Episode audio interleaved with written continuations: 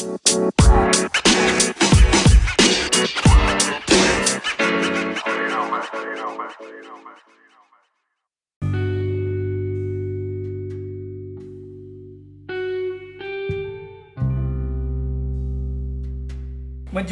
membantang kerina teman turang senina Japi kam ringan bas paksaenda Eh pre, rabake kela benam karo aku Kito eh Amoges eh kabeh podo hebak podo tahes komes ya.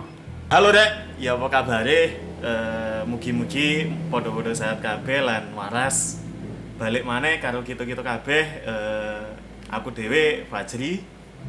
Ya, ada Faris di sini ya dengan bahasa Indonesia saja.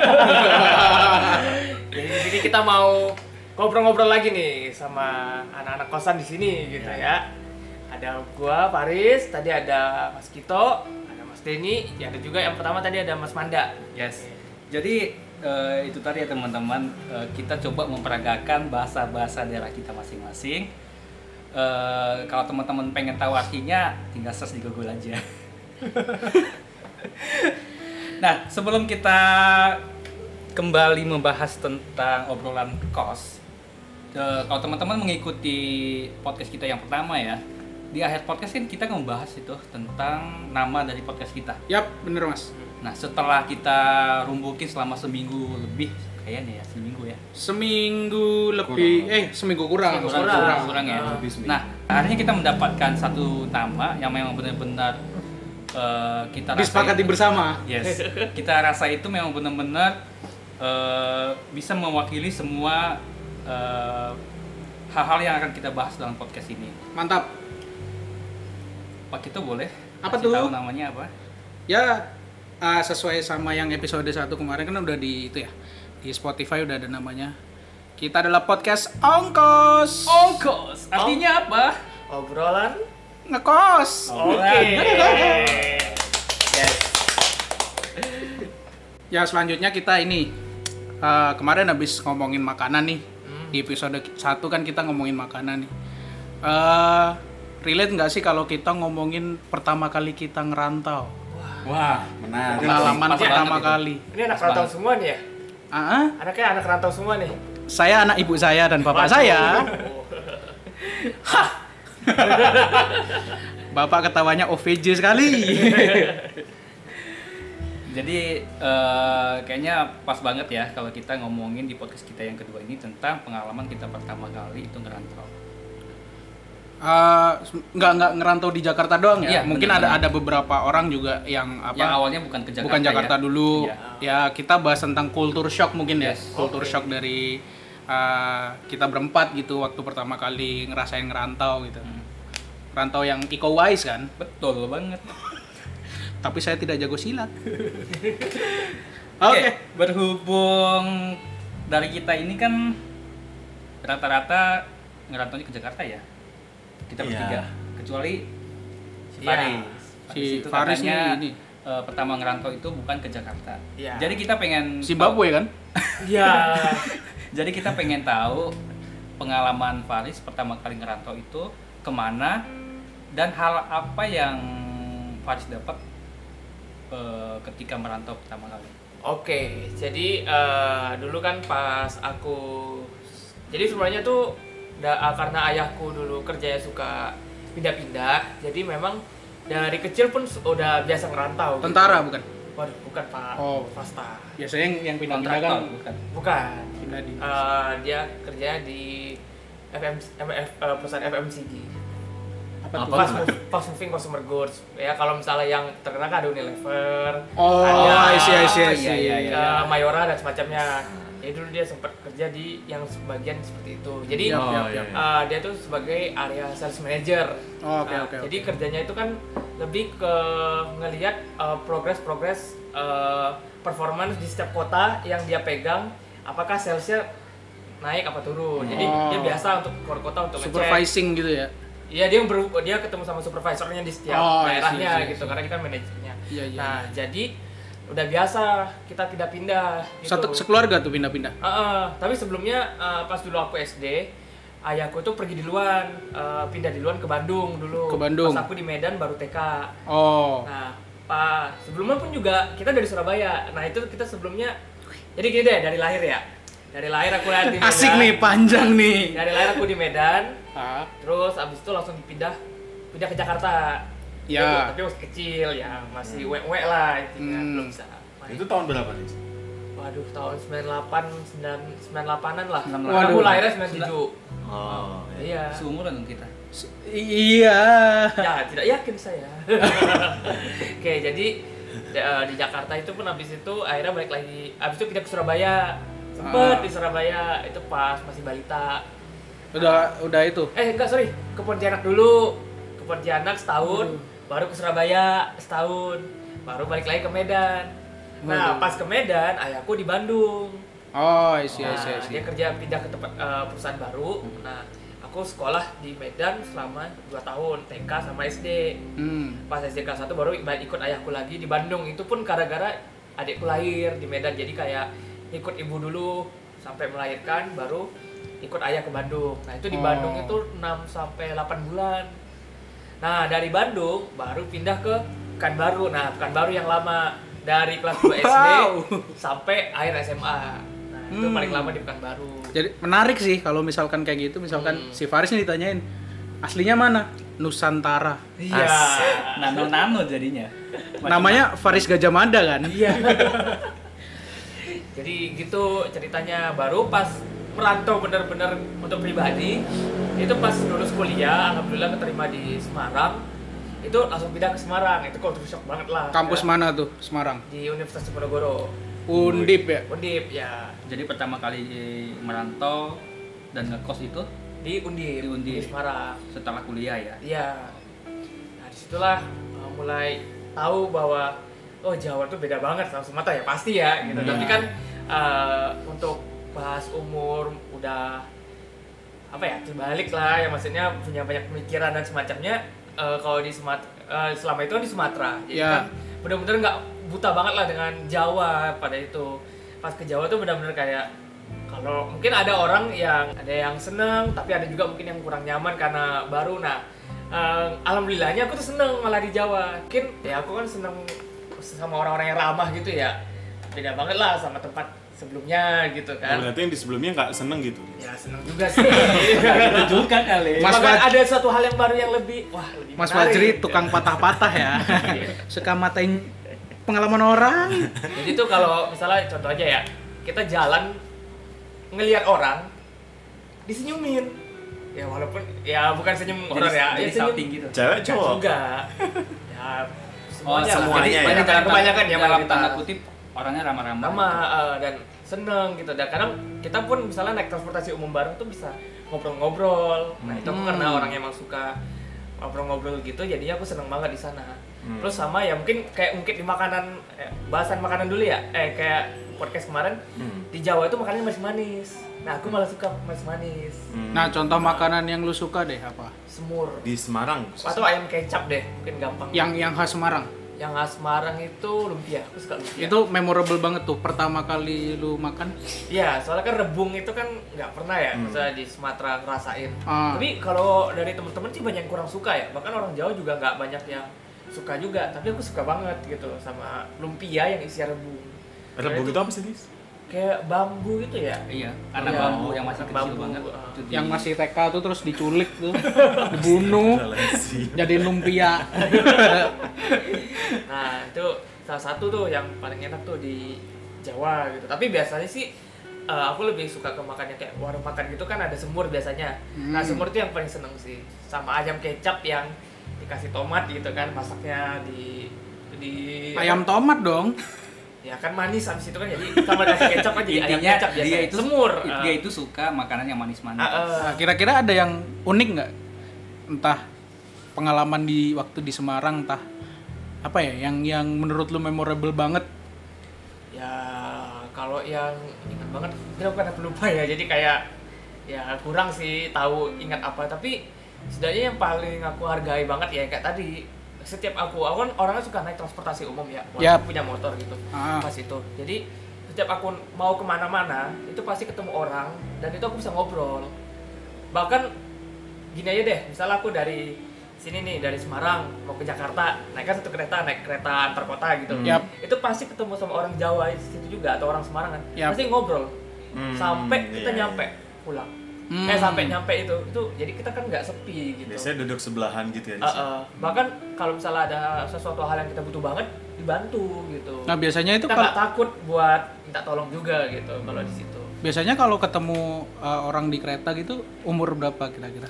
Ibu-ibu kah atau Ya, so- ibu? variasi sih Kebanyakan ibu-ibu tapi. bapak-bapak ibu-ibu bapak-bapak sih biasanya Ah. atau ya masih umur 20-an juga banyak Oh. atau 30 uh. Saya kebaca sih maksudnya Faris itu apa? Ngobrol sama ibu-ibu. Berharap ibu-ibu itu punya anak anak perempuan kan?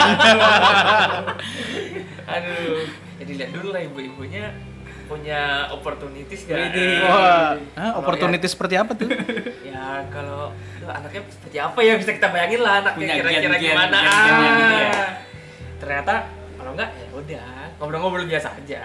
Intinya silaturahmi lah ya. iya. Enggak lah intinya tuh kita tuh enjoy sih Kalau hidup di sana pengalaman misalkan nih con- contoh eh, bukan gue ya, ini contoh doang kayak misalkan lu pulang pulang nongkrong malam nih tiba-tiba di jalan dikejar bencong kayak gitu-gitu. Pernah nggak? Yang aneh-aneh gitu. sih Oh, kalau yang ngomong sih. bukan gua bukan gua Iya, gitu biasanya dia sendiri pribadi sih. ya. iya Eh, ya, wah, wah.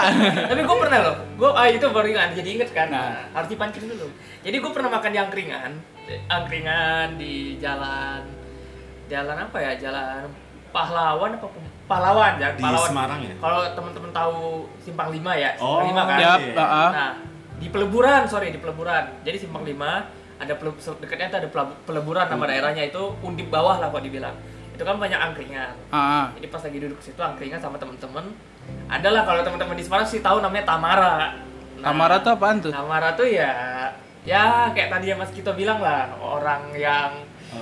Banci ya gitulah tapi yang memang udah terkenal dan emang ngamen gitu Ah, ah. jadi pas itu gue lagi nggak ada uang kecil Terus jadi ya lu ngerelain gua- anggota tubuh lu?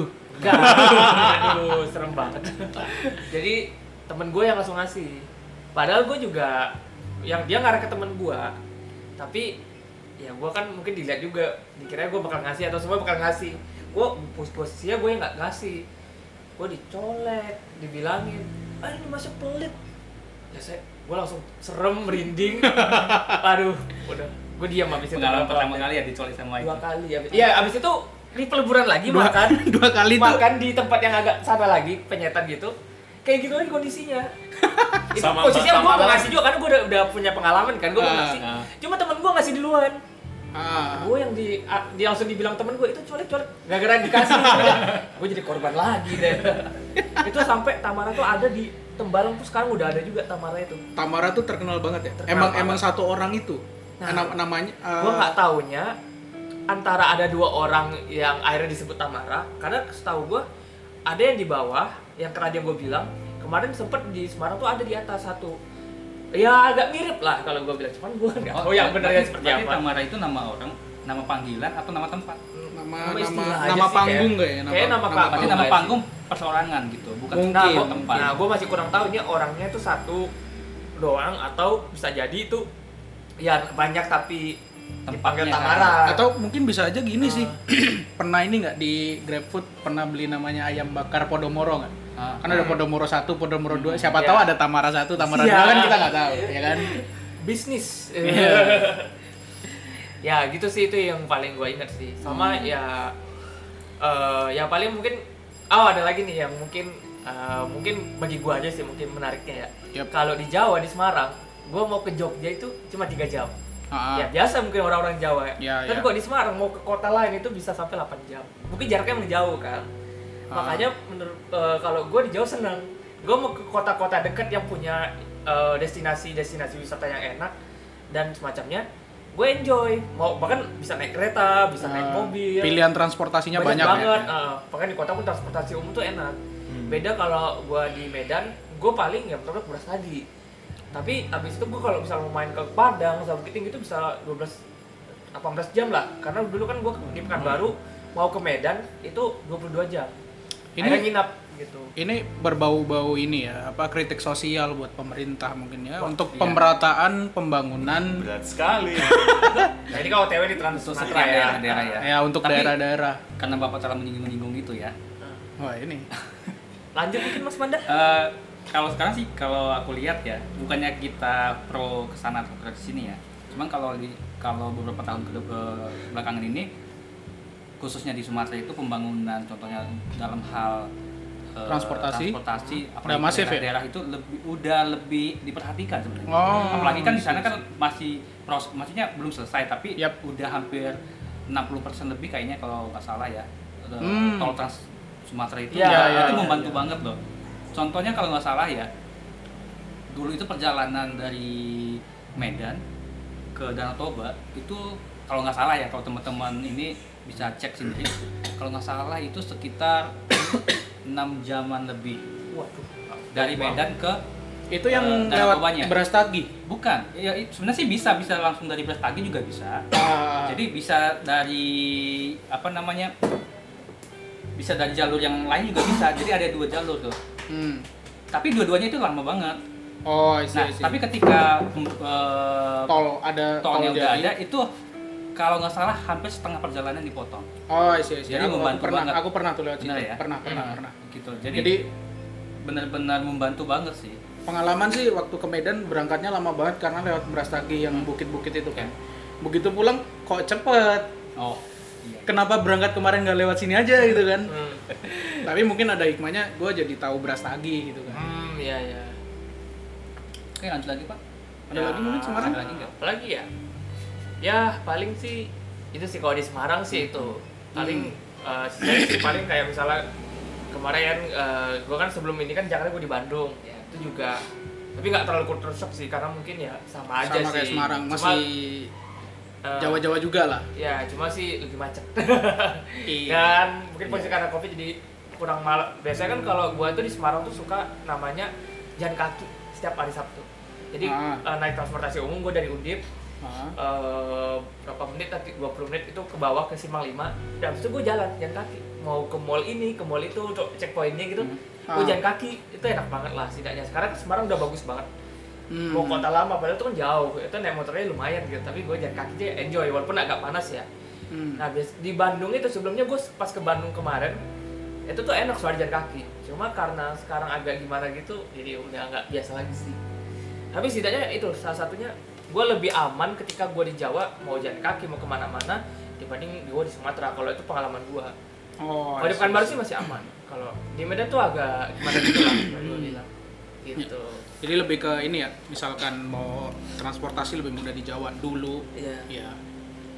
Eh, mau ke mana-mana deket. ya Hmm. dan orang-orangnya juga tadi Iya orang-orang juga, Orang-orangnya ramah, gue tuh ya. tersugesti juga udah ya percaya gitu. Jadi ya Hmm. ya juga tetap walaupun tetap waspada ya gimana pun tapi gue Yap. lebih aman lah merasa aman.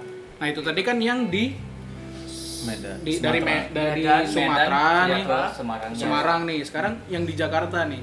waktu di Jakarta gimana guys kalau oh gue lagi. Nah kalau sebenarnya gue ke Jakarta itu udah biasa sebenarnya ya. Setiap tahun itu pasti ada minimal sekali dua kali gitu. Ah. dari dari Semarang itu gue sering ke Jakarta. Jadi gue sebenarnya udah nggak terlalu culture shock sih. Ya. paling ya culture shocknya ya makannya mahal. Oh ya itu juga mungkin di Jawa di Semarang tuh makannya murah banget parah jadi gua tuh wah gemuk gua di Semarang gitu. cocok banget ya buat anak-anak kuliah Iya. yang kos gitu ya. Walaupun nah biasanya kan kadang orang bilang murah ya karena memang tempatnya di kosan daerah kosan ini yang nggak daerah kosan tuh masih affordable gitu Hmm, jadi ya, iya, iya. gue enjoy banget sih nah di Jakarta ya tau lah gitu lumayan walaupun harus pandai-pandai juga sebenarnya bisa aja murah Kalau menurut gua tuh bukan kultur shock jatuhnya. apa Lebih ke dompet shock. waduh dompet shop Dompetnya yang shock gitu kan. tapi yang benar sih pak maksudnya kadang dari apa makanan-makanan di daerah itu memang lebih murah sih pasti, pasti. Ya, itu tergantung dari ini juga sih apa pendapatan dari setiap daerah kan Yap. pasti ngaruh banget Hmm. Tapi kalau gue boleh kasih catatan sedikit ya, gue kan orangnya masak ya. Jadi kan kayak gue di Jakarta kan ke Superindo kemarin, Yap. ke Super Bintang Do. Ya, apa-apa, supermarket se- lah. Ah. sebut aja itu contoh penyebutan Iya. kalau misalkan kita di endorse. Oke. Kayak jadi ke supermarket kan. Terus gua bandingin lah sama gua hafal lah harga yang di Semarang Superindo berapa gitu. Itu harganya sama. Paling beda 500 perak dikit lah. Kalau yang gue lihat sih gini, kalau kalau dia udah apa ya istilahnya tanda kutip dia itu kayak toko atau apa sih namanya kayak Superindo gitu kan. Iya. Itu kalau nggak salah setiap daerah itu pasti beda tipis doang. Iya. Dia nggak bisa juga naikin harga tinggi gitu. Ya mungkin karena ada HET ya, Hmm. ha- harga eceran Iya, tinggi. lain kalau kayak eh, kita makan kayak di warteg Yap. atau di tempat-tempat makan yang Hmm. bukan di mall gitu ya. Yap. Itu pasti harganya itu pasti eh, apa bisa nyesuaiin sama kondisi keuangan dari setiap daerah. gitu Ah, gue kan. punya pengalaman tuh kalau masalah harga makanan. Hmm. Gimana gimana? Gue kan dari Malang nih. Di Malang tuh sebenarnya makanan udah murah. Lu sepuluh ribu udah dapat makanan enak lah. Ya. Gue yang kaget waktu gue pernah di Pare Kediri. Hmm. Jadi gue pernah kursus bahasa Inggris di kampung Inggris di Oke. Kediri kan. Walaupun Inggrisnya sekarang udah hilang. Jadi waktu gue di sono, gue kaget waktu beli sarapan nasi pecel. Lima ribu udah sama minumnya pak. Wow. udah pakai kaget. udah pakai lengkap lah ya. Udah lengkap, lu udah dapet nasi, sayurnya, bumbu pecel, itu udah tambahan tempe satu sama bakwan satu sama peyeknya. Itu masih tambah teh teh manis anget. lima ribu doang, wah. Bayangin itu buka di Jakarta. Wah. Istimewa sih. Gua kaget banget waktu itu sih, waktu di Pare itu. Hmm. Bisa makan lima ribu doang gitu. Wah, itu emang salah satu yang gimana ya pokoknya kalau makan murah enak dompet senang hati senang itu bisa jadi satu quote gitu ya. Ya itu juga pasti kalau menurut gua anak rantau yang ngalamin gitu yang bisa ngebandingin harga kalau Iya. yang belum pernah ngerantau pasti Iya. kayak biasa aja Hmm. mungkin Iya, iya, iya. mungkin teman-teman bisa relate lah sama kita yang rantau yang belum rantau mungkin jadi punya keinginan untuk rantau gitu Yap, bener. jadi kita juga sekalian belajar kehidupan dalam ya belajar kehidupan mencari kitab suci ke barat bersama Sun Gokong. Iya Oke next, Oke, siapa lagi nih? Eh, Mas Denny mungkin pengalaman terlihat lebih senior Iya, soalnya. yang lebih banyak pengalaman. iya Waduh. Wah, asam Ini garam dari yang kehidupan paling ini. muda kepada yang tua Iya. asam garam kehidupan. apa ya sebenarnya eh, untuk menceritakan pengalaman migrasi ya kalau sebutnya itu Hijrah. karena ya eh, hijrah boleh. karena kebetulan eh, aku sendiri kan dari eh, sidoarjo ya. Sidoarjo ya sekarang sidoarjo ya. sidoarjo sidoarjo dulu. Jadi eh, saya bangga dengan kota sidoarjo sebenarnya. Tapi karena tuntutan suatu pekerjaan akhirnya eh, diharuskan untuk merantau. Yang di mana aku eh, alhamdulillah dapat rezeki kerjaan di Jakarta Selatan Eh, sebelumnya Which is- memang ini ini pertama kali sih. Pertama kali aku ngerantau eh, di Jakarta. Hmm. itu tepatnya tahun 2017 nah waktu itu kebetulan kosnya nih kosnya itu di tempat kita sekarang. Itu pertama kali tuh. pertama kali. Pertama kali di Jakarta di sini. pertama kali. Jakarta di sini Ya, gila men Buat alhamdulillah. Waduh. jadi gue bangga sih dan gue alhamdulillah merasa bersyukur ketika gue masuk eh, sekarang udah gue ya eh, ketika aku eh, masuk ke kos ini gitu. Yang sebelumnya itu kayak aku tuh mikir gini cuy. Eh, aku orang Surabaya which is logatnya kan beda banget. Which is Dok. it is what it is. logat beda langsung. Logat tuh beda banget gitu jadi pertama kali eh, aku di Jakarta itu ngelihat orang-orang itu kayak oh men orangnya tuh beda-beda gitu. Orangnya tuh beda-beda eh, mulai dari kulturnya gitu ya. Asal terus mu asal muasalnya banyak dari teman-teman eh, kantor itu yang dari berbagai daerah gitu. Jadi nggak cuma di Jakarta doang. Kukira ya orang Jakarta itu ya ada orang Jakarta orang Bandung ya sekitaran sekitaran sekitaran sekitaran segini lah gitu cuman ketika gue masuk ke Jakarta ah gue lagi nih Gak ketika apa-apa, aku santai. Jakarta. Oke, jadi ketika gue Jakarta, gue tuh kayak ketemu sama temen-temen tuh kayak anjir, gue merasa kayak gue harus adaptasi ulang nih.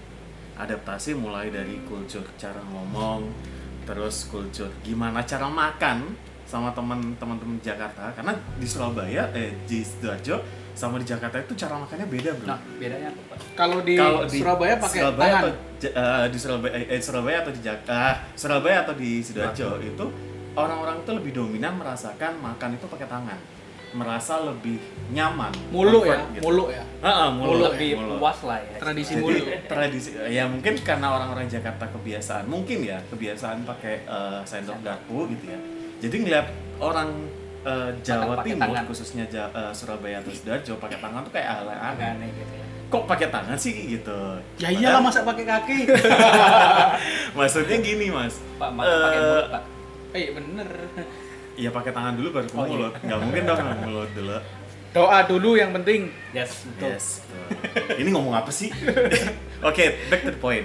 Terus eh, cara makannya itu beda. Gitu. Jadi kalau gue pribadi, gue sebagai orang Jawa Timur, gue sebenarnya ngerasa nyaman kalau makan tuh pakai tangan, cuy. Ya, gue juga sebenarnya. Jadi kayak eh, apa ya? Itu kayak kultur yang ketika gue di mana pun, gue keluar negeri pun juga masih masih nyaman pakai tangan gitu loh. Hmm. Gak tau kayak ke bawah aja terus lebih nyaman ketika lu nyerok ya mas apa sih namanya Mulu. mulu mulu, itu kayak Kalau- di kalau gitu kalau di. Jawa Jawa itu mulu. Di Jawa apa, Timur ya. kalau kira- kira-kira bahasa Jakarta atau bahasa Indonesia Apa yang ya? lain apa ya mas Ini kok Kurang Nyetop lah ya, ya? ngambil makan pakai tangan lah gitu iya, terus iya. dari eh, dari tangan tuh langsung dimasukin ke mulut gitu jadi kayak tes tangan kita itu lebih berasa ada manis-manisnya gitu. Aduh. Abis kerja ya? Abis kerja. habis langsung kerja dimakan. ya enggak dong cuci tangan dulu cuci tangan dulu nah terus yang kedua ketika gue di Jakarta pertama kali gue ngerantau di kos ini tuh kayak alhamdulillahnya kayak dikasih eh, apa ya lingkungan yang menurut gue sih lingkungan yang sehat gitu Masa bisa aja. ya supaya kosan harga turun lah ya Wah. terus yang berikutnya terus yang berikutnya ketika Mana gue kosan yang nurunin harga? ketika gue ketemu sama teman-teman kos ini itu kayak anjir gue ngerasa kayak eh, solidaritas dan eh, familitas ya atau Hmm. kekeluarganya itu berasa kental gitu loh jadi gue tuh pertama kali gue ngekos tuh sebenarnya gue awal-awal kayak takut sih bukan takut sih lebih ke worried lah kayak anjir kalau gue misalkan di Jakarta gue harus adaptasi dengan orang baru kayak eh, kayak kayak waktu awal kita Ketakutan-ketakutan yang belum tentu Iya, terjadi ya. kayak misalkan kita lulus sekolah nih, Iya, pertama SMP ke kali. SMA gitu Iya, ya. betul. Iya. Pertama kali kita masuk SMA kan kita kayak, aduh teman-temannya gimana ya, lingkungan sekolahnya gimana ya, sehat nggak ya segala macam. Terus cara nyari teman gimana ya gitu. Kan kita kayak berasa beradaptasi dengan hal-hal yang kita belum tahu ke depannya gimana. Nah ketika kita masuk di kos ini, ketika gue masuk di kos ini, gue ngerasa kayak klop sih. Kebetulan pertama kali orang yang gue kenal nih ada di sebelah gue gitu. Widih. Namanya Siapa tuh? Lamas gitu. Wah. Nah kebetulan Mas Gito ini eh, asli Malang ya Mas ya? Bener nggak sih Mas? Asli Oh Malang. iya asli Ayah Malang. Saremania kan. Oke. Nah kebetulan kita sama-sama dari Jawa Timur. Jadi Oke. gue ngobrol itu kayak udah Relate ya? langsung relate gitu. Jadi kayak udah langsung nangkep kayak kayak apa ya? Kayak jodoh gitu loh. Waduh, waduh, waduh. Maaf, saya masih normal. ya. Maaf. Jadi kayak alhamdulillah sih pertama kali gue kenal tuh kayak ya setidaknya ketika gue masuk di kos ini tuh gue ngerasa kayak ada temen dulu nih. Hmm. Yap. akhirnya kebetulan pembawaan gue juga eh, lebih mencoba sih sosok sok sosok PDKT lah. Gitu. Iya. Serem Jadi- saya lama-lama ya. gue awal-awal awal-awal ngekos tuh kayak gue langsung ke bawah aja deh. Gue ke bawah. Kebetulan kita kan di lantai dua nih. Nah, gue langsung ke lantai satu ngobrol lah sama teman-teman yang di- ada di bawah itu gitu. pas kapan? yang awal apa yang pertama kali. Oh, pertama kali. pertama kali. Nah terus ya udah dari situ kebetulan mas Kito mengenalkan ke teman-teman yang lain Hmm. Nah dari situ gue ngerasa kayak wah gue kembali ke habitat gue nih Wah, gitu. Gue setidaknya gue nggak sendirian lah ngekos tuh. Yang di mana gue ketakutan di awal adalah gue takutnya ngekos tuh ya sendirian, gak ada ngobrol, gitu lebih individualis takutnya gitu sih. Oke. Hmm, saya terkesan baik padahal saya mengenalkan untuk di palakin martabak. Apalagi ya? Yang unik kali apa di Jakarta gitu. Ketemu ketemu ini, ketemu Wah, istri. tuh. Kan di Jakarta Oh, tuh iya. ketemu istri. Enggak sih, kalau ketemu istri kebetulan istri ini kan sama-sama orang. Kebetulan ini teman SMA. Oh, Teman sekaligus mantan SMA. Oh. Dan mantan pertama. Wadidaw. CL, CLBK. Ya, Cinta lama belum kelar. ya nggak bisa baca Eh. terus habis gitu terus eh, ketika apa ya sebenarnya dulu ya banyak lah ya liku-liku kehidupan lah ya namanya. Lika-liku Ya, kita laki-laki. kenal sama orang-orang di sini mantap. juga. Maksudnya kita kenal sama eh, lawan jenis juga yang ada di sini gitu ya. Cuman ya udahlah itu kan masa lalu. Biarlah perlu berlalu ya. ya jadi ya sudah cukup jadikan pelajaran. Terus eh, di sini tuh tapi ini sih uniknya adalah ketika gue dulu dekat sama eh, orang yang pernah gue kenal gitu ya gue tuh belajar satu culture juga nih Yap. kebetulan anak ini adalah anak Bekasi Bekasi Jadi- ya, bukan Jakarta ya. bukan bu- ya bukan Jakarta Bekasi terus gue gue belajar eh, gimana caranya eh, apa ya komunikasi dengan orang-orang eh, lebih ke Jakarta sih Per- mulai dari pergaulannya Hmm. mulai dari komunikasinya Yap. yang gue kira kayak ya orang Jakarta sama kayak orang Jawa Timur gitu Yap. padahal enggak cuy gitu Jakarta itu ya banyak orang-orang ya gue gue gue belajar kayak misalkan kehidupan selebriti itu seperti apa sih Hmm. terus kehidupan kehidupan orang Jakarta yang eh, apa ya yang mungkin lebih suka ke mall gitu Yap, ya yap, ketimbang ke apa namanya ke warung-warung atau mungkin ke pasar tradisional gitu Iya, iya, iya. Nah, gue tuh ngeliat kayak culture di sini tuh kayak lebih modern, ya middle up lah, kelas middle up Hmm. itu yang eh, sifat atau eh, apa ya, jiwa sosialitanya itu kental banget gitu. Oh, jadi ceritanya Mas Denny ini tergabung di klub sosialita. Dulunya, sosialita. circle-nya high.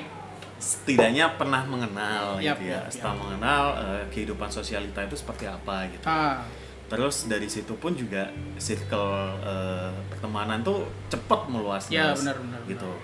Gue tuh nggak nggak habis pikir sih. Jadi misalkan nih gue nongkrong sama teman yang mungkin eh, ya kita sebut salah satu selebgram lah gitu Yap. ya. Gue nggak mau nyebut namanya nih. Hmm. Nah, ketika gue kenal sama dia, terus gue tuh sering main ke mall gitu sama dia. Dari situ tuh banyak teman-teman eh, dia jadi misalkan nih gue jadi gue jadi dia gitu ya yap.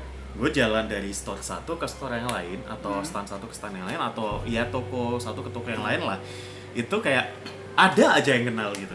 Oh, ada aja I see, yang I see, kenal. I see. terus dari situ kebetulan gue selaku temennya itu kayak ngerasa Ikut terkenal juga. ikut ikut mengenal juga bukan Ah, terkenal ikut iya. mengenal juga. Secara nggak langsung kayak gue dikenalin gitu. Yap, yap, yap. ini teman gue nih kenalin ini teman gue nih kenalin. Dari situ tuh kayak tiba-tiba eh, followers Insta- Instagram itu Naik nambah naik gitu ya. Terus eh, mulai dari eh, seiring berjalan waktu ketika gue kenal sama eh, nih orang nih orang gitu ya gue sering nongkrong juga. Ketika nongkrong itu ada aja teman-teman baru yang diajak gitu. Entah itu eh, urusan urusan bisnis atau mungkin urusan ya hanya kongko-kongko doang. Tapi dari situ tuh kayak gue ngerasa circle gue tuh cepet banget luasnya ketimbang gue di Jawa Timur gitu. Hmm. jadi memang eh, dampak sosialita ini kalau dari sisi positifnya ya Ya. itu sebenarnya bagus sih dari sisi eh, gimana kita catching up dengan orang baru terus gimana kita eh, memperluas atau ekspansi eh, apa namanya circle gitu ya dari situ tuh gue akhirnya berpikir secara opportunities yaitu mulai dari usaha-usaha yang gue bangun gitu ya Yap. misalkan nih gue kenal sama eh, teman dari selebgram ini. Nah teman dari selebgram ini itu dia usaha misalkan usaha kopi gitu ya. Gue tuh kayak langsung berpikir oh anjir ternyata kalau gue punya modal terus gue mau usaha gue bisa nih kayak gini nih gitu. Yang semula gue pikiran gue tahu. ya kalau gue ngekos gue ke Jakarta ya udah ya udah gue fokusnya fokus kerja, Kerja doang aja, ya. gitu. Tapi ternyata enggak cuy. Dari situ tuh kayak mungkin lebih open mind lah ya pikiran kita tuh lebih dibuka terus kayak eh, kultur-kultur kita itu yang semula lebih monoton mungkin ya terus akhirnya lebih variasi kayak gitu sih itu yang gue eh, se- cerita positifnya dari eh, apa namanya pengalaman perantau gue di Jakarta Berarti nongkrongnya Senoparty. Iya. Bapak. ya bisa lah Holy Wings, Miss Jackson. Aduh. Jadi eh, kalau kita di Jakarta sih memang harus benar-benar milih-milih teman yang yang apa ya membangun lah istilahnya Yap. ya. Ya mungkin ada ada pepatah lama ya. Pepatah apa apa ya? Eh, kalau kita kumpul sama apa? tuk apa penjual parfum kita jadi ikutan wangi mungkin gitu ya Iya, Pak? iya. Ah. menarik menarik seperti itu. Kalau kata orang crazy, ah bukan orang crazy rich juga sih, eh, salah satu youtuber lah ya. Kalau kata Dono Pradono ya mas ya kalau. Dono Pradono Eh Dono Pradana ya. Dono Pradada Dono Pradana itu sempat bilang gini bro. Kalau lu mau cepet kaya, lu harus kumpul sama orang-orang kaya. Iya. ya terlihat sih sekarang dia Benar. kumpulnya sama Melvin Gitu sih. ya ya ya ya, ya. oke selanjutnya siapa ya Siapa ya? mau cerita Iya siapa aja boleh lah mas. Oke, langsung ke gua aja ya. boleh boleh boleh boleh Gimana gimana. Eh, Gue penasaran sih mas sama cerita lu sebenarnya mas. yang lu dikejar banci itu mas yang mana ya? Yang mana ya? Oke, karena kita ngebahas tentang pengalaman pertama tentang merantau ya. Gue penasaran sih sebenarnya eh, tentang arti merantau itu seperti apa. yap Oke. Oke, soalnya eh, konsep gua sama konsep mungkin konsep gue itu maksudnya dari Sumatera, Ya. konsep merantau itu sama di Jawa itu beda. bedanya apa tuh Bedanya gini. Kalau kita di sana merantau itu istilahnya itu kita pergi dari suatu tempat yang jauh, eh dari satu tempat ke tempat yang jauh. ah, ah. Tapi tempat yang jauhnya itu istilahnya kita harus keluar, pulau. Contohnya kayak aku nih, Dari aku kan Sumatera. tinggal di contohnya di daerah Brastagi lah gitu. yap Ketika gua itu ke Padang atau ke Aceh, yap itu namanya bukan merantau. itu main Enggak, ya udah nggak ada istilah merantau. Eh, lo kerja di mana di Aceh gitu aja, nggak ada istilah Oh, merantau I gitu. see, I see, Tapi yang yang yang yang aku tahu ya eh, bisa dikoreksi kalau salah ya. Kalau di Jawa itu, contohnya dari Bandung ke Jakarta atau dari Bandung ke Sum- eh, ke Surabaya gitu, itu itu udah dibilang merantau ya kalau nggak salah. Eh, kemungkinan besar gitu Iya kan? Iya, Jadi ketika ketika satu seseorang itu keluar dari rumah pergi ke dari satu kota ke kota lain itu itu dibilang merantau ya. Eh, iya Iya kan? menetap Ya, nah kayak gitu kan. Istilahnya itu kalau di sini di Jawa itu lo menetap dari satu tempat ke tempat yang lain itu itu udah dibilang merantau ya. yap Nah, cuman kalau yang yang tadi eh, aku bilang itu kalau di, di Sumatera itu nggak seperti itu. Jadi beda konsepnya. Hmm? Sumatera harus jarak yang benar-benar jauh ya Iya, jauh tapi keluar pulau. harus luar pulau Keluar pulau. Kalau kalau- enggak, Kalau enggak bukan istilahnya merantau. Ya udah lo kerja di mana? Di Padang. Ya udah Padang doang gitu. Nggak ada istilahnya lo dibilang merantau, bukan. nah kalau misalkan lu ke dari Medan nih Hmm. terus abis itu lu tinggal di dan apa di Samosir itu merantau bukan Enggak. Bukan. kan udah Jadi- beda pulau Enggak, ta- tapi kan masih dalam Sumatera. masih Sumatera Iya, sih Jadi lo dibilang itu bukan anak rantau. Jadi istilah di sana lo dibilang anak rantau itu kalau contohnya kalau lo ke Jakarta, Oh, ke Jawa ke Jawa itu kalau dibilang Kalimantan. nah, itu lo bilang anak ran- anak rantau gitu. kalau misalkan ke Batam belum, belum ya belum. oh padahal Batam tuh udah Iya, tapi ma- Beda- masih beda dalam kota. dalam masih Beda pulau. masih dalam Lingkup. apa istilah ya, lingkup intinya Sumatera ita- gitu. intinya harus keluar Sumatera gitu Iya, ya kayak Ah, I gitu. see, I see. Jadi beda beda pemikiran, beda konsep tentang arti merantau itu. Yap. Nah, Hmm. Eh, dan pengalaman gue pertama kali merantau itu memang Jakarta gitu. Iya. Jadi gue pertama kali merantau yaitu ke Jakarta. udah di perusahaan yang sekarang ini langsung Eh nggak sebenarnya sih gini. Awalnya gue itu ke ke Jawa ya bukan ke Jakarta. Awalnya gue itu ke Jawa itu cuma main doang sebenarnya. Yap. Main sama ada rencana buat suatu bisnis gitu lah. Jadi Ah. gue pertama kali ke Jawa itu bukan ke Jakarta sebenarnya, ke ke Bandung sebenarnya. Surabaya boleh lah naik cuman, cuman di sana gua itu eh, kayak survei gitu doang sih survei usaha. Ah, ah, ah. karena gue memang rencana waktu itu memang eh, pengen buka usaha gitu kan. Yap, yap. jadi gua di Bandung itu sekitar dua minggu doang sih sebenarnya. Terus kok bisa ceritanya tiba-tiba kerja di Jakarta gitu? Nah eh, ketika gue di sana gue kan sam- sambil apply apply juga sih sebenarnya. Itu udah lulus kuliah berarti posisi ya? Itu udah jauh jauh sebelum itu pak. Soalnya Wah, ada gua di- senior sekali bapak ini. Gua sebelum merantau juga gue udah kerja di Oh. Medan itu gue udah kerja sekitar dua tahun lebih waduh jadi gue udah ke- pernah kerja di sana kan terus gue ada rencana memang udah keluar aja di kerjaan Yap. buka usaha gitu Mhm. kebetulan waktu itu di Bandung itu ada saudara gue yang memang ada usaha Ya. jadi dia nawarin lo coba aja usaha kayak gini kayak gue gitu kan dan Ah. gue lihat juga dia udah berhasil gitu kan Iya, iya. nah jadi eh, waktu itu gue rencanain gue bakalan ke, ke Bandung eh, survei survei usahanya jadi gue itu dua minggu gue di di, di di di tokonya gitu di Ah. tokonya itu kayak eh, apa lihat cara kerjanya Iya, terus iya. kalau Belajar manajerialnya ya, lah Iya, ya? jadi Belajar kayak kalau misalnya gua uh, belanja Yap. untuk beli-beli produk itu ke mana aja, Ah, harganya gimana ini ya, gitu. kulaan kulaan, Ya, kulaan. jadi lebih biar biar langsung tahu lah gitu cara Ya, kerjanya ya. mereka seperti apa gitu. Nah, tapi karena gua juga waktu itu masih apa ya, masih apa ya, belum menetapkan hati lah istilahnya. waduh Jadi masih masih 50-50 nih tentang kerjaan sama kerja. Jadi- Jadi, ketika gue di sana juga gue udah play play juga. nah waktu di Bandung itu apply di perusahaan yang sekarang juga berarti Ya, oh Gitu. Jadi- Berapa bulan tuh nunggunya? nunggunya itu berapa ya sekitar Atau dua, enggak? dua bulan kalau nggak salah jadi berarti ngirimnya waktu masih di Medan ya ketika itu gue di Bandung di Bandung tadi katanya dua minggu Minggu doang. iya jadi gue pas di Bandung itu Extend akhirnya. gue gue lang nggak gue di Bandung gue sambil apply ah, ya kan dua, di, dua minggu di sana habis itu gue ke Jakarta Hmm. untuk interview enggak jadi gue main lagi ke Jakarta oh, masih main Masih ternyata main. Masih nah masih main mencari. nah kebetulan waktu itu setelah gue survei-survei eh, udah memang rencana buka lah istilahnya Yap. kan nah mungkin nggak belum rezeki kali ya.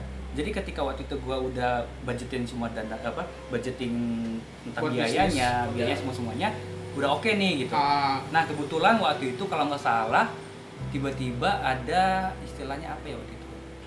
Eh, peralihan antara kalau lo beli barang itu harus pakai dolar gitu. Oh.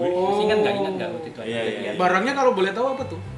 Spare part tentang komputer sih barang-barang komputer gitu. Oh, mau iya. buka eh, mau buka toko komputer oh isi isi isi nah jadi kemarin itu ada peralihan antara rupiah sama dolar gitu Hmm. jadi eh, waktu itu ngaruh banget ke semua usaha yang berkaitan dengan penjualan eh, khususnya elektronik yap jadi waktu itu kalau perbandingannya nih contohnya kalau gue buka usaha nih hmm.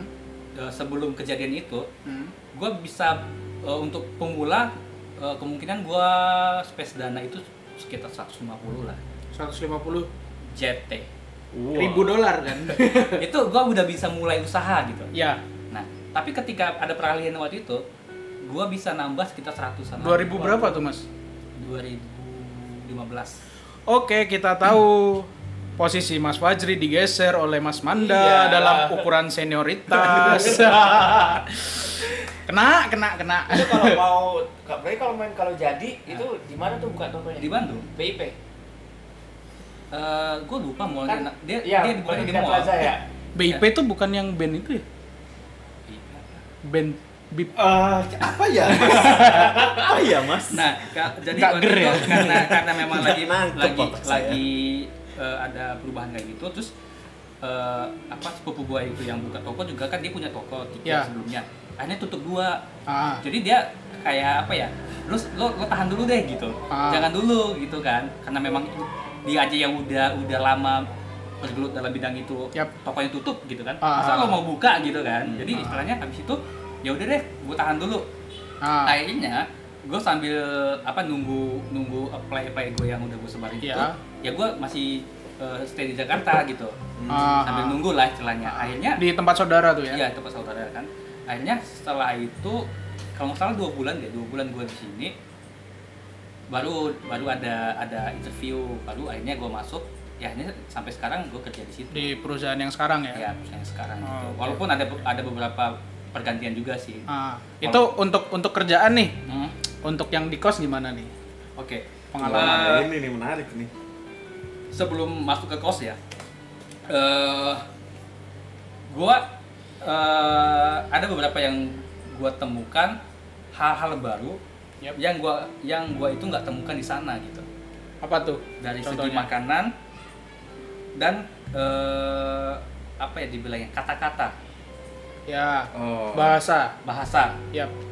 Oke, eh, yang pertama ini ya, yaitu tentang kalau di Medan itu, kalau kereta itu, Ya. kereta, kereta itu di sana itu, oh gini dulu, kalau Jakarta, di Jakarta itu kereta ya kereta kan, kereta api. Iya, iya. Jadi contohnya lo lo mau lo ke Bandung naik apa naik kereta. Ah, Kalau di sana lo bilang eh lo lo ke contohnya dari apa Dari Medan. ke Palembang. Samosir lah Oh, ke soalnya. Samosir. Lo ke ke Samosir naik apa? Naik kereta. Kereta itu Kereta mobil. itu bukan, kereta itu motor di sana. Wah, malah motor ya. kereta itu motor, jadi beda. Kalau mobil, Mobil itu mobil. kalau yang kayaknya gue pernah Mot- denger dulu di Sumatera mobil itu oto. Ya bukan. Oto di mana ya? Bukan. Kalau Padang apa ya? kalau kereta itu gini, kalau kereta itu motor. Motor. Ya. Kalau motor itu mobil. Hmm, Ngerti nggak? Ngerti Sebenarnya sebenarnya ada relate sedikit sih sama Jawa sih. Ngerti nggak? Lo kalau misalkan di Jawa, mobil itu motor. Ada N-nya. Ada Oh, N-nya kalau di. Jawa. Motor. Hmm. Nah, gitu. Jadi motor itu eh, roda empat, ya kan? Ya. Mobil juga bisa sih sebenarnya. Ah, Tapi kalau kereta itu ya kereta, kereta. Motor. Ya, Kereta, itu motor, kalau di sini. ya, aku kayak gitu. Ah. Kalau sepeda motor, Mas? Kita Ya, nggak kita nggak bilang sepeda motor. Terus untuk kereta apa? sebutannya? Hah? Sepeda motor untuk itu kereta, di sini Kereta. apa? Apa? Enggak kalau kalau kalau kereta kereta api itu apa sebutannya di Medan? Kereta api. Kereta api. Kereta api. Kereta api. Jadi lo jangan bilang kereta, kereta api gitu. Hmm. Kalau kalau lo bilang kereta doang, dia pasti motor. Atau di sana istilahnya Honda. Honda, Honda, itu iya. kereta semua. Honda. Halo, Honda. Kenapa Halo, Honda? Jadi mungkin lebih apa ya? Lebih eh, apa? nggak asing gitu di, eh, di, di, di, di apa? Kebiasaan orang-orang kalau mungkin mungkin ya eh, dulu itu pertama kali orang punya punya motor, atau Motor, kereta itu ah. mereknya Honda gitu. Jadi kalau Ah. di sana istilahnya kalau lo bilang naik apa naik Honda itu udah pasti kereta. Kalau kalau masalah itu kayaknya nggak cuman di nggak cuman di Sumatera Di aja Sumatera sih. ya. Di Jawa juga kayak gitu. Hmm. Orang kalau misalkan naik apa? Naik Honda, padahal yang dinaikin Yamaha. Ya gitu ya. Banyak kan gitu kan. Itu kayaknya hampir di semua produk yang pertama kali masuk ke Indo. Karena Honda itu. Ah, mungkin yang pertama di Indonesia motor Honda yang masuk ya. Eh, contoh juga kayak, kayak misalkan kita beli air minum nih. Aqua gitu. Dia apa di Aqua, bisa- padahal bisa yang Ades, diambil Ades Ades, atau- bisa le Iya, mineral, bener. macam-macam gitu kan. Sama juga kayak eh, pasta gigi. Pepsodent. Orang beli apa? Odol. Oh, odol, oh iya, odol itu merek. Odol, odol. Odol itu merek. Padahal udah eh, apa dalam cangkupan yang Ah, lebih sempit sebenarnya iya, kalau odol, iya. tapi di, dijadiin luas. gitu Yap. mm-mm. Sama kayak Sanyo. Ya, Sanyo. Nah, pompa air Sanyo, Sanyo gitu ya, kan. padahal masih banyak merek ya. Ya, itu. Nah, itu dari segi ha, dari segi apa tadi transportasi ya, bahasa ya. Eh, kalau ini ini juga pertama kali gua datang ke, ke Jakarta nih. apa tuh? Gua kan tinggal di tempat saudara nih. Ya. Terus kebetulan waktu itu gue pengen jalan eh, ke Pondok Rangon. Pondok Ya. Rangon dari berarti dari Jakarta Selatan ke Jakarta Timur. Ya. Terus eh, sepupu gue bilang sebelum kita ke sana kita sarapan dulu deh gitu kan. Sarapannya apa? Sarapan bubur. Oh. Nah, dalam dalam dalam pemikiran gua kalau sarapan bubur itu kalau di Medan Ya. itu bubur itu bisa bubur kacang hijau atau Bubur uh, sumsum. bubur sumsum kayak Ya. gitu ya jadi nggak nggak ada kepikiran kalau bubur itu bentuknya seperti bubur yang ada di sini gitu yang Yang ada ayam. satenya bubur Oh, ayam iya. gitu ada satenya terus kasih bawang Ya, dikasih ya. bumbu-bumbu Ah. nah seperti itu jadi ketika gua pertama kali makan serius makan bubur pagi-pagi gitu kan apalagi di sana kalau misalnya bubur yang bubur apa sumsum gitu Ah. atau bubur kalau di sana istilahnya kalau lo makan bubur nasi gitu itu biasanya buat orang sakit Oh. gitu jadi bubur nasi yang dihancurin dikasih Iya. kuah sup Iya, kayak gitu. iya, iya, itu iya. biasanya buat orang sakit gitu Ah. itu gue mikir emang gue sakit ya gitu kan terus ketika gue dibawa ke sana dia ada standnya gitu terus ada gerobak-gerobaknya kan Ah. baru gue ngeh oh ternyata bubur yang di sini ya seperti ini bukan Iya. seperti bukan kayak di Medan gitu jadi Hmm. itu juga hal-hal baru yang gue dapet ketika gue pertama kali datang ke, ke Jakarta Jadi kalau misalkan di Medan itu bubur lebih ke dessert ya? Ya bisa, bisa. bisa Atau appetizer gitu ya? Hmm, Jadi bukan buat untuk mengenyangkan atau buat sarapan atau yang bukan bukan makanan berat sih sebenarnya di sana. Ah, kalau di sini kan ya yang Ya buat sarapan. paling banyak sarapan bubur ayam. Iya bubur kan? ayam Iya. kayak gitu kan. Nah itu sih yang yang gue temukan ya pertama kali yang membuat gue, hah? Kayak gini ya Jakarta ya gitu. Oke, lanjut. Eh, mungkin itu aja ya kalau yang yang gue ingat sekarang ya. Yap. Nanti kalau misalnya gue ingat lagi, gue akan cerita lagi. Hmm. Mas mungkin mau tanya dong Mas, kalau di Medan itu biaya parkir, misalkan ada nggak sih kalau misalkan di Indomaret gitu ya, itu ada biaya parkir nggak sih Mas? Pasti dong. Pasti. Kena berapa kira-kira Mas? Aduh, karena gue udah lumayan lama di sini juga ya. Nah, Jadi kalau biaya sekarang gue nggak tahu ya. nah, Cuman kalau kita apa ya di ini apa namanya dibandingin Iya dibandingin di sini sama di sana kayaknya sama aja deh. Kalau Sama. lo kasih 2000 juga nggak dibalikin nggak dibalikin. Lu kasih 5000 juga beda nggak sama Jawa. Timur ya eh Kalau- Jawa Timur mana Sidoarjo Surabaya sih Sidoarjo Surabaya Sidoarjo gimana Surabaya itu motor nih ya misalkan motor motor itu dikasih seribuan doang itu udah mau oh itu, Penjaga- itu di penjaganya. Surabaya ya Di Tapi Surabaya, teman-teman Sidoarjo. langsung ini ya motor itu maksudnya Sepeda ya, mo- motor, sepeda, sepeda motor ya, motor. bukan Nah. bukan motor di Medan ya. sepeda Waduh. motor itu kita ngasih ya apa ya salah satu budaya yang berbeda ya gitu jadi misalkan nih kalau kita mau parkir di tempat yang eh, mungkin itu ilegal kita sebutnya misalkan nih kita lagi mau ke mall gitu ya parkiran di dalam mall penuh nih akhirnya Ya. kita parkir di luar mall Ya, gitu biasanya kan ada tuh parkir. Ah, parkir. biasanya ada kan gitu. Nah, kalau di Surabaya mungkin ada gitu ya, mungkin ada, tapi sebagian kecil mas.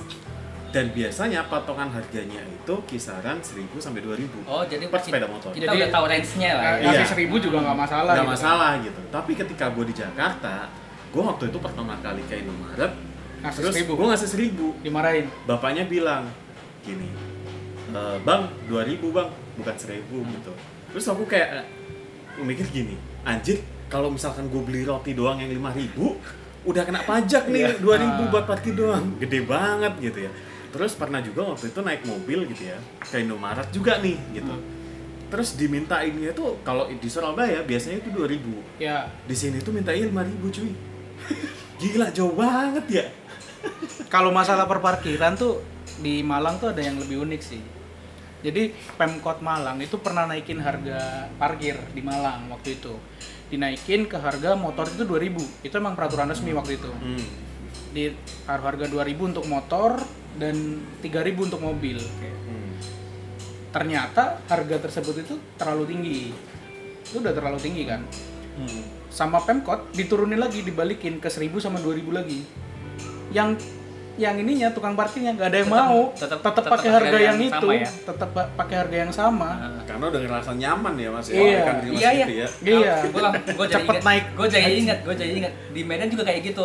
Jadi ketika pemerintah, contohnya Pemkop nih, Iya. naikin harga, contohnya harga angkot nih, Iya. harga angkot, contohnya dari 2000 ke 3000 nih. Ya, Nah, sekarang kan si Pemkopnya nyesuaiin sama kondisi keuangan negara juga kan. Tiba-tiba dia nurunin nih dari 3000 ke 2000. Nah, Ya. gitu juga si angkotnya nggak nurunin. ya, Jadi ya, ketika naik, ketika naik dia naik. Ketika Ketika, turun, diturun, dia tetap mau turun. Dia tetap kayak gitu. Iya iya iya iya. Itu kayaknya dialami di semua sih. Semua ya di benar, semua di benar. semua daerah kayaknya Jadi kayak, kayak gitu. udah nyaman aja ya. Cuman gue punya pengalaman unik sih kalau misalkan tentang parkir. Gue pernah liburan ke Lombok. Di Lombok itu ternyata nggak ada patokan harga parkir berapa. Jadi lu sengasihnya aja, Oh jadi bebas lah. ya. bebas. Jadi misalkan nih bawa mobil, lu bayar seribu, dia nggak protes. Ya itu sih sebenarnya kalau dia nggak protes sih nggak masalah gitu. Ah, Cuman kadang ada yang eh, ada di sana, di sana itu banyak kayak gue nggak sebutin tempatnya. gue pernah lihat nih, jadi dia kasih, gue gue lupa dia kasih berapa gitu, dilempar loh. jadi Wah. jadi si si kan dia parkir di satu tempat nih, iya. terus dikasih nih parkirannya Ah. ke penjaga parkir, dilempar. Jadi mungkin dia rasa terlalu dikit kali ya, tapi Iya, kan nggak iya, gitu juga gitu kan, Iya. kan bisa bisa bilang mas nggak segini nih, kurang nih Ah. gitu, dilempar loh. Ya mungkin itu dia lagi emosi kali. Kita kan juga nggak Ya, tahu jadi dia lagi kita juga gimana. kadang kadang jadi serba salah. gue gitu. pernah sih digituin tuh Nah kan bener kan? Nah. ngasih receh padahal lumayan juga itu dikiranya Ah, kayak gitu. kali Ah, Ya kalau misalnya eh, lo nya rasa kurang ya ya Bilang, aja bilang gitu kan aja. jangan lempar gitu. Itu aja sih sebenarnya. Ngomong-ngomong soal emosi nih, gue mau sharing sedikit dong. Mungkin nanti mau dikoreksi ya buat eh, yang ada di sini dan Ah. teman-teman yang ada di sini. Mungkin eh, teman-teman pendengar juga sekalian gitu ya. gue mau sharing pengalaman yang mungkin ini relatif untuk sebagian besar orang gitu ya. Apa Eh, tuh? mengenai budaya mengendara kendaraan bermotor, baik sepeda Nah. motor maupun mobil gitu. Yap. Jadi kalau di Surabaya Sidoarjo ya mas, kalau misalkan kita nih ya, eh, kita berbuat salah, misalkan nih kita eh, nggak sengaja nyerempet motor, orang, ya. atau mungkin kita eh, ngerem dadak misalkan, Ya. terus ada orang belakang yang dadak, ya biasanya yang salah itu merasa kayak eh, apa ya, nyepuro itu minta maaf, minta Hmm. maaf duluan. Jadi misalkan Kalau sorry di Jawa sorry itu, mas gitu, ya. ya kalau di Jawa Kalau di Jawa. gitu. sorry sorry mas gitu ya terus orang yang belakang itu jadi lebih calm down mas Iya, jadi kayak misalkan oh iya nggak apa-apa nggak apa-apa mas monggo monggo gitu biasanya gitu Kalau misalkan minta ganti rugi pun lebih enak gitu ngomongnya. Iya, biasanya kita gitu. duluan yang itu ya. Betul. Ah. Jadi eh, kalau di Jawa Timur sih gitu. Nah, ketika gue di Jakarta, gue tuh sering kali nemuin eh, orang-orang freak lah. Orang-orang freak itu maksudnya gini. Ini mungkin sebagian kecil ya, Iya, mungkin ya. iya, iya. Tapi gue sering banget nemuin mas. Jadi misalkan Jadi besar dong. gue sering banget nemuin gitu. Jadi ketika gue lagi perjalanan jauh, terus ada orang naik sepeda motor misalkan, Oke. atau enggak di perempatan deh Hmm, gitu ya. yap. Di perempatan ada orang terobos lampu merah misalkan. Oke. But lewat, nah kita yang sudah hijau kita udah jalan. Nah orang yang yang udah lampu merah ini nerobos, dia itu merasa kayak Benar. dia benar. Kayak gitu. malah lebih Iya, lebih marah ya maksudnya betul. lebih ganas gitu. lebih ganas di sini tuh kalau yang salah itu justru lebih ganas loh mas. Hmm. Related gak sih buat kalian? Sebenarnya kalau- aku nangkep tuh gini, orang nggak nggak semua orang di sini juga ya lebih mementingkan pembenaran daripada kebenaran, ya nggak sih? Iya. Orang yang le- yang lebih apa namanya lebih aktif itu kadang dianggap benar, dianggap benar bukan bukan tentu dia bener-bener bener gitu, tapi cuman dianggap benar doang. Pembenaran sebenarnya. Pembenaran. Pembenaran, pembenaran dari apa yang dia lakukan gitu loh. Kalau gue sih ngeliatnya gini sih mas, mungkin dari sisi psikologi eh, nggak tahu ya budayanya seperti apa. Mungkin yang gue gue lihat gini, kalau lu berani ngotot duluan, Ya. lu berani marah duluan, Ah, eh, orang yang lu hadepin itu lu- Bakal bakal lebih ciut. ciut Iya. gitu. ah, Nah itu mungkin yang diterapkan sama sebagian kecil orang ini nih, Ya.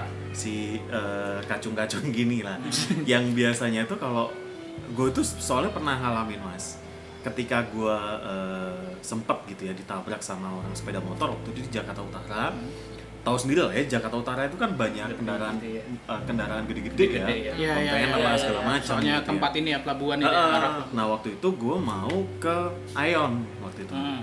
waktu mau ke Ayon eh Jakarta Timur apa Jakarta Utara ya arah ke Utara Ayon ke timur, lah utara timur. utara ke timur lah ya GGC, GGC. Nah, waktu itu gue mau ke sana tuh terus kebetulan waktu itu sama cewek gue nih sama istri gue sekarang Ya. nah dulu ketemu nih sama sepeda motor mas bawanya itu ya kayak motor cowok lah gue tak lu gue lupa motornya apa gitu ya. Nah ketika gue lagi eh, nggak ngebut juga sih ya sekitaran 60-70 km lah. Per jam eh, jalan terus tiba-tiba ada orang motong. Jadi dia itu di sebelah kiri gue mau motong ke kanan mau putar balik. Oh. nah ketika itu gue langsung nabrak ban belakangnya dia. Untungnya dua-duanya nggak jatuh gue sama dia nggak jatuh. Hmm. cuman dia tiba-tiba berhenti nyopot helm terus tiba-tiba dia mau ngajak kayak ribut kayak kayak mau ngajak ribut. Marah gitu ya. Heeh. nah kebetulan orang Surabaya khususnya eh, anak-anak ITS gitu ya itu biasanya itu udah udah udah kental lah mas. Udah udah bosen lah yang namanya ribut gitu kan. Ya gue dengan santai gue turun gue copot helm juga gue ngomong kenapa lu bang? gitu. Terus dia nyolot gitu. Dia nyolot gini "Eh, lu punya mata nggak? gitu lu punya mata nggak gue lupa sih bahasanya gimana kurang lebih gitu lu punya mata nggak gitu udah tahu mau belok kenapa lu ngegas aja gituin terus gue marah dong gue gue marah gue bilang gini lo mas matamu di mana dengan logat Jawa aku Ya. Loh mas matamu di mana? Ini kan aku udah lurus nih, sampai ndak belok. Sampai tuh kamu maksudnya bahasa halusnya Surabaya. Kamu tuh nggak nggak nggak rating, kamu tuh tiba-tiba langsung belok. Untungnya kita nggak jatuh kayak gitu. Terus tiba-tiba dia marah gitu sambil eh, megangin motor gitu kan. Nah terus aku coba maju, aku coba maju. eh, aku tidak menunjukkan rasa takutku sedikit pun. Nah ketika aku maju, tiba-tiba dia itu ngerasa eh, Kicep. kayak kicep gitu. Kicep itu kayak apa ya? eh, tiba-tiba yang seolah ramerasa kayak paling berani, tiba-tiba Ah, langsung dia cium diam gitu jadinya kan. Iya. Ah. Terus tiba-tiba ya udah, jalan kali ya lihat aja mas gitu doang. Terus habis itu cabut gitu. Anjir gue ngerasa kayak lah lu turun ngapain kalau gitu loh. Eh, mungkin dia mancing dulu nih. Ah, mancing dulu. Eh, dia ngelihat res- respon kita seperti apa. Iya. Ketika kita juga maju, Maju baru dia takut. Nah, iya. Jadi kayak gue ngerasa kayak anjir ngapain kalau gitu ngapain ribut Iya. gitu loh. Tapi gue sih punya pengalaman juga sih kayak gitu. Pernah tuh pulang kerja eh, di deket sini, Mampang ya mas ya? daerah Mampang situ. Oh. Pas gue mau pulang kerja itu ada kayaknya bapak-bapak gitu, dia mau kayak lawan arah. Hmm. mau ngelawan arah sedangkan gue tuh posisi di jalan yang bener kan Iya. terus tiba-tiba mukanya tuh dengan mukanya nyolot dia belum sempat ngomong waktu dia mau mau apa dia kayak putar balik ngelawan arah gitu Ah. hampir gue tabrak hampir gue tabrak untungnya gue bisa ngeles tuh Hmm. bisa ngeles gue liatin belakang itu kayak orangnya tuh udah emosi wajahnya Hmm. terus gue cuman ya ciri khas orang Jawa Timur ngapain sih dengan tegas saya mengatakan jancok seketika orangnya langsung melanjutkan perjalanan dan saya melanjutkan perjalanan Jadi kayak kebalik jadi posisinya ya. Iya. Kayak lo yang salah salah arah gitu kan. Iya. Jadinya kayak gitu ya. kadang juga gue bingungnya gitu sih di Jakarta Oh ternyata bukan gue doang ya yang ngerasain ya. oke Oke. saya perlu nyeritakan pengalaman nggak ya? Oh iya. Iyalah. udah panjang loh ini. Dari Aduh. Malang nih Mas gimana? Harus semuanya. Kalau gua sih pengalaman pertama kali ke Jakarta, gua sering banget sih dari SMA tuh gua waktu SMK dulu pernah magang juga di Jakarta setahun. Oh. Ah itu pengalaman pertama kali gua ngekos tuh. Pertama kali gua ngekos itu di Tangerang. Wih, jauh amat. Di Tangerang di kalau tahu Cipondo. Cipondo. Daerah Oh, Cipondo. Ya ya ya ngerti. Gua di situ ngontrak rumah. Tapi emang emang emang Waktu itu sama teman-teman ya? sama teman-teman rame Oh. karena kan emang program magang yang disediakan sekolah itu eh, kebetulan saya magangnya dulu di Istana Presiden. Oh, masya Allah. Jadi itu lobby-lobbyan sekolah lah. Seko- Sekolah punya link ke sana. Jadi waktu itu presidennya sama mas? waktu itu masih SBY. Oh, Zaman SBY. SBY. Belum tua-tua banget kan saya. Jadi eh, karena itu kontrakan sebenarnya udah turun temurun. Jadi sebelumnya itu ada anak magang juga dari sekolahku magang di Wapres juga ngontrak di situ. Hmm. Cuman kan waktu itu angkatan pertama, jadi kuota orangnya nambah tuh. Hmm. Yang awalnya cuma lima orang yang biasa ngontrak di situ, jadi 9 orang. Oh. Jadi 9 orang tuh. Berangkat tuh dari Malang ke Jakarta tuh. Dari Malang ke Jakarta, berangkat. Di Jakarta gue dijemput sama bude gue. Hmm. Di disewain mobil untuk bersembilan bersembilan itu tadi buat nganterin ke kayak ke tempat magangnya dulu untuk perkenalan sama pembimbingnya. Setelah itu karena gua nggak tahu ininya, karena gua nggak tahu bentuk kontrakannya kayak gimana, begitu gua sampai, gua kaget pak.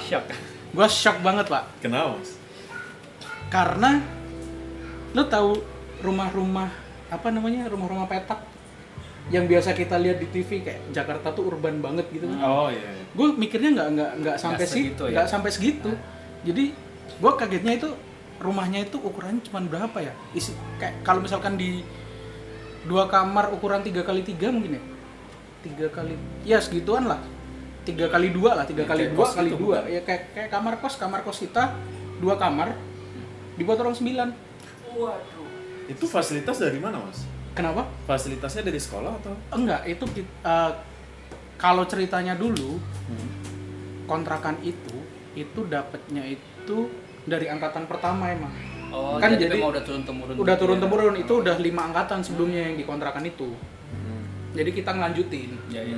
kita ngelanjutin karena memang ya turun temurun tuh pasti ada barang yang ditinggal entah itu dispenser, rice cooker, Oh, jadi akan makan lah Ah, istilahnya. ah, jadi kita nggak perlu dari nol lagi gitu Hmm. untuk barang-barang. Hmm.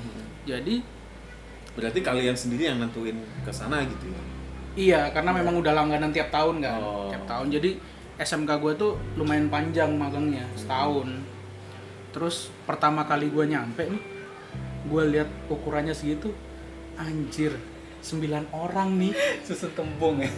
Ikan teri. mana gua gemuk lagi kan mana gua gemuk kan terus karena gua waktu itu datangnya hari Jumat kan masih ada Sabtu Minggu nih Ah. akhirnya gue colongan pura-pura sakit gua biar ikut ke rumah budi gua ikut ke rumah budi gua terus emang Itu di mana mas? Rumah Budi? rumah budi di Bogor Oh lumayan jauh ya. rumah budi di Bogor Oke. Terus? jadi eh, pas di mana Tangerang tadi Tangerang Cipondoh ya. Cipondoh itu tapi emang emang sebelumnya itu udah ada ada ini apa namanya udah mau nyewa satu Rumah. rumah lagi Oh. untuk di itu cuman untuk hari pertama dan hari kedua eh tiga hari pertama lucu juga dong kalau sembilan orang nginep bareng mana gue gemuk kan Ah. Lu jadi hitter di situ. Mas. setelah itu udah tuh apa namanya gue cabut ke tempat bude gue Hah? dengan alasan ntar gue bawain kompor Hmm. jadi untuk kehidupan di sana gitu kan udah gue tempat bude gue ya endingnya tetap mereka udah udah nyiapin pindah pindah Oh. satu rumah lagi sih bedanya yang gue tempatin itu kan rumah petak tuh Hmm. sedangkan temen gue dari sembilan yang empat misah Hmm. yang empat ini pindah pindah ke rumah rumahnya gede pak Oh, ngontrak sendiri berarti? ngontrak sendiri dan itu di dalam perumahan dan itu di dalam perumahan. Oh, oke. sedangkan gua sama lima orang yang lain ini di ini di luar perumahan yang di kayak di kampungnya gitu. Ah, ah. tapi jadi nggak ada yang itu dong Nggak ada yang yang, awal itu? Yang awal mana? Yang kotakan yang Yang yang petak, rumah yang petak sembilan orang itu. Ah. ya kita yang nempatin. Ya, lima orang yang lima oh, orang jadi, yang oh nempatin. jadi tinggal berlima tinggal berlima Oh. yang empat orang udah pindah, Pindah. ke rumah yang ukurannya jauh lebih Lebih gede, gede ya? ditempatin cuma empat orang kita sempat ditawarin Ah. mau pindah ke situ juga nggak terus gue lihat rumahnya horor saya tidak lah Oke. Terus? mungkin itu sih pengalaman pertama kali gue ngerantau sih pertama kali gue ngerantau Ceritain dikit dong mas pengalaman ketika eh, lu jadi ikan teri di situ mas. wah kalau pengalaman ikan teri itu duka dukanya ya? seperti apa? Duka duka bukan suka duka ya duka dukanya ya tahu tahu sendiri lah mungkin beberapa pendengar nih ada yang dari Tangerang mungkin ya. Tangerang panasnya kayak gimana? Oh iya. jadi pagi kita nyuci baju kita jemur 2-3 jam kemudian baju kita jadi keripik keras banget. Panasnya segitunya pak. Dan nggak ada AC nggak ada AC di kamar tuh nggak ada AC. jangankan kamar pak saya aja tidur di ruang tamu pak Selama satu tahun mas. selama satu tahun selama satu tahun gue tidur Eksklusif di sekali ya. istimewa pak jadi lucunya itu karena jadi gue gambarin aja ya bentuk kontrakannya itu masuk Gimana cara gambarnya mas? gambar vis, eh, cerita cerita Oh, cerita. Oh, iya. penonton Biarkan- sendiri yang menyimpulkan penonton yang Iya, memvisualisasikan. jadi begitu Saya terlalu imajinatif soalnya. Mas. waduh jadi begitu masuk itu ada ruang tamu semacam ruang tamu Hmm. ukurannya itu dua setengah kali dua setengah Hmm. itu di situ yang tidur di situ itu seingatku tiga orang Hmm. jadi itu dua setengah tuh terus masuk dikit itu langsung dapur Oh, oke. langsung dapur sebelahnya itu ada kamar mandi Hmm. kamar mandi terus abis itu di sebelahnya ini di sebelah kanannya itu ada kamar lagi yang isi dua orang Hmm. Jadi kalau misalkan salah satu dari kita masak mie anget dong. Satu kontrakan anget. Anget. Jadi ya itu sih pengalaman pertama kali ngerantau gue sih. Menarik sekali ya.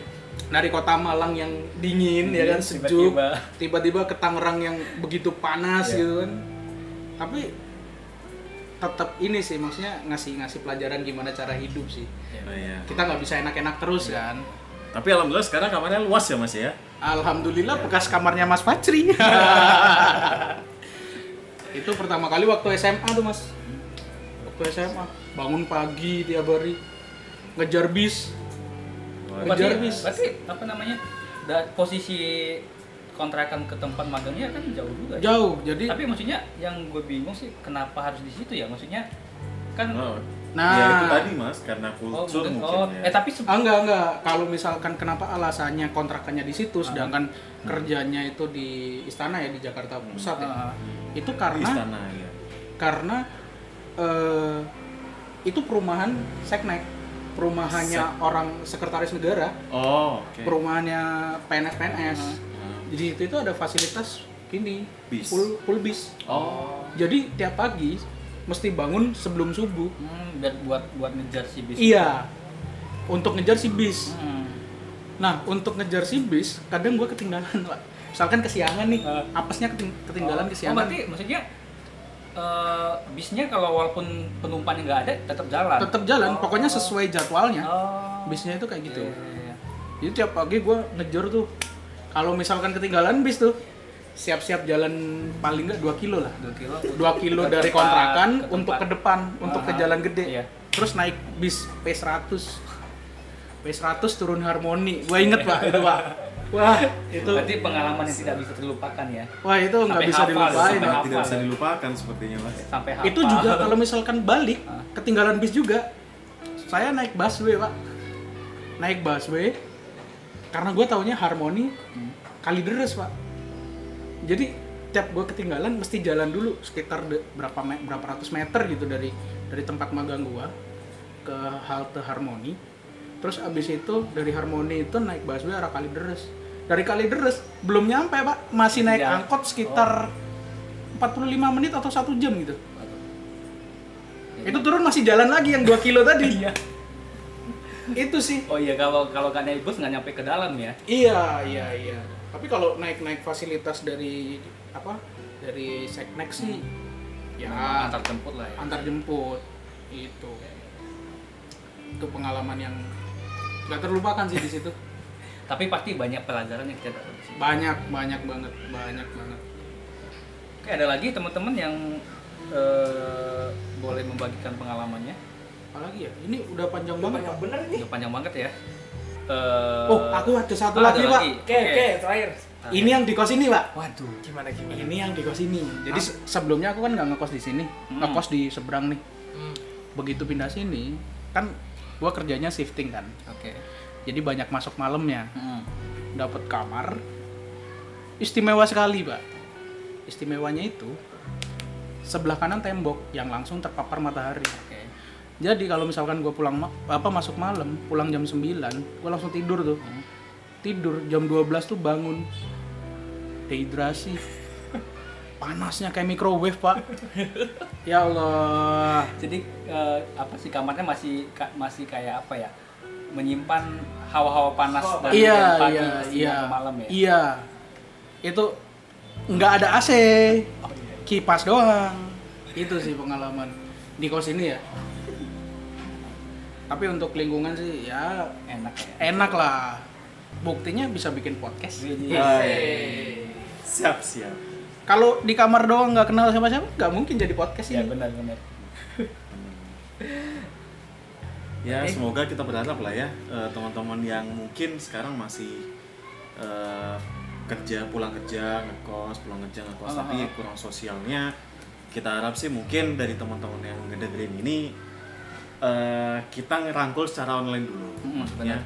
kita di kos ini tuh selalu welcome dengan teman-teman yang lain terus juga eh, mungkin dari teman-teman yang masih malu-malu gitu ya mencoba lah Ya, untuk mencoba eh, lah ya. mencoba mencoba untuk ngobrol dulu minimal selo atau apa gitu kan Iya. karena mungkin dari teman-teman eh, yang lain misalkan nih dari saya pribadi kalau misalkan kita ketemu papasan saja masih masih malu-malu gitu ya Yap. saya pun saya pribadi pun juga Jadi saya segan ya. gue pun pribadi kayak segan untuk nyapa gitu loh Iya, iya, iya. gitu sih ya mungkin dari sini semoga eh, Kita ngajak teman-teman Iya. ya khususnya di ikatan ya. silaturahmi kita Iya. terhadap teman satu sama lain bisa lebih kuat gitu. Hmm. Toh nanti kalau misalkan kenapa-kenapa dengan teman-teman apalagi di masa pandemi gini kan Ya, kan kita-kita juga. ah, ah, kan. kita-kita Iya, iya. juga yang Orang pertama yang ngebantu Iya, gitu. benar. Karena pengalaman dari teman-teman yang ngekos di sini pun juga mungkin ini bisa jadikan contoh untuk teman-teman kos yang lain ya yang mendengarkan Iya, gitu ya. benar. Eh, mungkin kalau misalkan kenapa-napa pun juga kita bisa take cover gitu loh. Hmm, benar. Karena kan nggak mungkin keluarga repot-repot datang ke sini kasihan gitu loh. satu eh, bukan bukan hanya repot gitu waktunya juga gitu Iya. Iya. kalau misalnya urgent banget gimana Iya, gitu iya, kan. iya. Sama kos juga. iya benar Ya, mungkin gini mas, aku boleh usul nggak? Kira-kira kalau misalkan episode berikutnya, gimana kalau kita ngundang teman-teman kita? Misalkan nih ada satu orang nih yang daerah mana gitu, misalkan contoh dari daerah eh, orang Semarang asli, Hmm. kita undang, kita kupas tuntas masalah Semarang. Boleh, boleh, Boleh, boleh. Jadi yang Boleh, apa yang Pak. kita omongin tadi itu khusus buat dia kita kupas tuntas tentang gimana kultur shocknya saat dia pindah ke Jakarta, makanannya kayak gimana. Pokoknya tentang misalkan contohnya tadi itu Semarang Ya. kayak gitu. boleh Boleh, boleh, boleh nanti banget kita coba apa ya teman-teman yang dengar ini boleh boleh eh, apa sih istilahnya kasih info ke kita atau nanti kita juga bisa coba kita cari tahu Ah, teman-teman tahu ada yang berminat Yap. kita bisa undang ke sini Oke.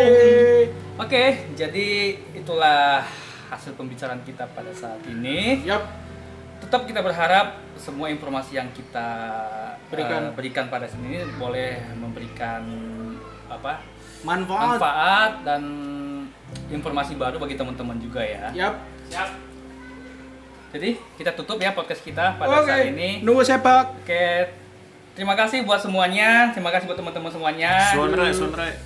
Eh, sampai jumpa di podcast podcast berikutnya. Bye-bye. Dadah.